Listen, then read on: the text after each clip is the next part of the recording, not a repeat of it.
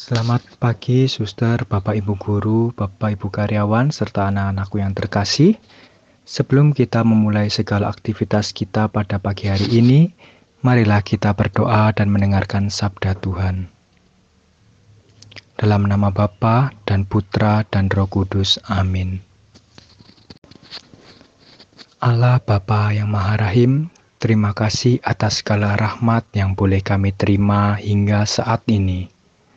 Harta yang kami miliki rupanya tak mencukupi untuk sekian banyak orang yang ada di sekitar kami, tetapi Engkau selalu menyelenggarakan segala yang kami perlukan. Datanglah di tengah-tengah kami, ucapkanlah sabdamu dan bagikanlah rezekimu. Jadikanlah rezeki tak seberapa yang kami perlukan menjadi tanda kelimpahan dan kemurahan hatimu. Amin. Inilah Injil Tuhan kita Yesus Kristus menurut Yohanes. Dimuliakanlah Tuhan.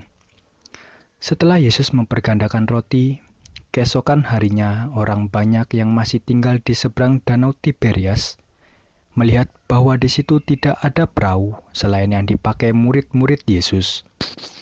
Mereka melihat juga bahwa Yesus tidak turut naik ke dalam perahu itu bersama-sama dengan murid-muridnya dan bahwa murid-muridnya saja yang berangkat. Tetapi sementara itu, beberapa perahu lain datang dari Tiberias ke dekat tempat mereka makan roti sesudah Tuhan mengucap syukur atasnya. Ketika orang banyak melihat bahwa Yesus tidak ada di situ dan murid-muridnya juga tidak, mereka naik ke perahu-perahu itu lalu berangkat ke Kapernaum untuk mencari Yesus. Ketika orang banyak menemukan Yesus di seberang laut itu, mereka berkata kepadanya, "Rabi, bila mana engkau tiba dari sini?" Yesus menjawab, "Aku berkata kepadamu, sesungguhnya kamu mencari Aku bukan karena kamu telah melihat tanda-tanda, melainkan karena kamu telah makan roti itu dan kamu kenyang." Bekerjalah bukan untuk makanan yang akan dapat binasa, melainkan untuk makanan yang dapat bertahan sampai pada kehidupan yang kekal yang akan diberikan anak manusia kepadamu. Sebab dialah yang diserahkan oleh Bapa Allah dengan materainya. Lalu kata mereka kepadanya, Apakah yang harus kami perbuat supaya kami dapat mengerjakan pekerjaan yang dikendaki Allah?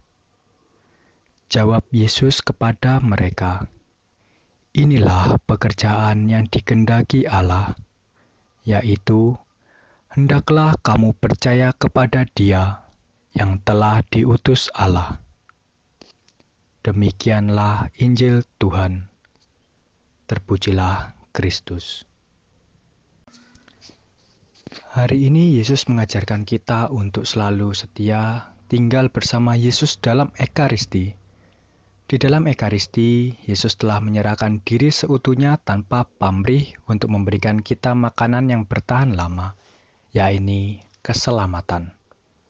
Kehadiran Yesus dalam Ekaristi mengundang kita untuk bersatu dengannya dan mewujudkan dalam kesediaan kita untuk berbagi dengan sesama untuk refleksi kita pada pagi hari ini. Apakah motivasi kita mengikuti Yesus? Apakah sekedar untuk memperoleh pemenuhan kebutuhan jasmani yang dangkal?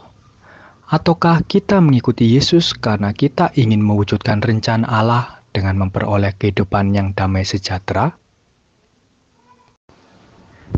Manusia hidup bukan dari roti saja, tetapi dari setiap firman yang keluar dari mulut Allah. Dalam nama Bapa dan Putra dan Roh Kudus. Amin.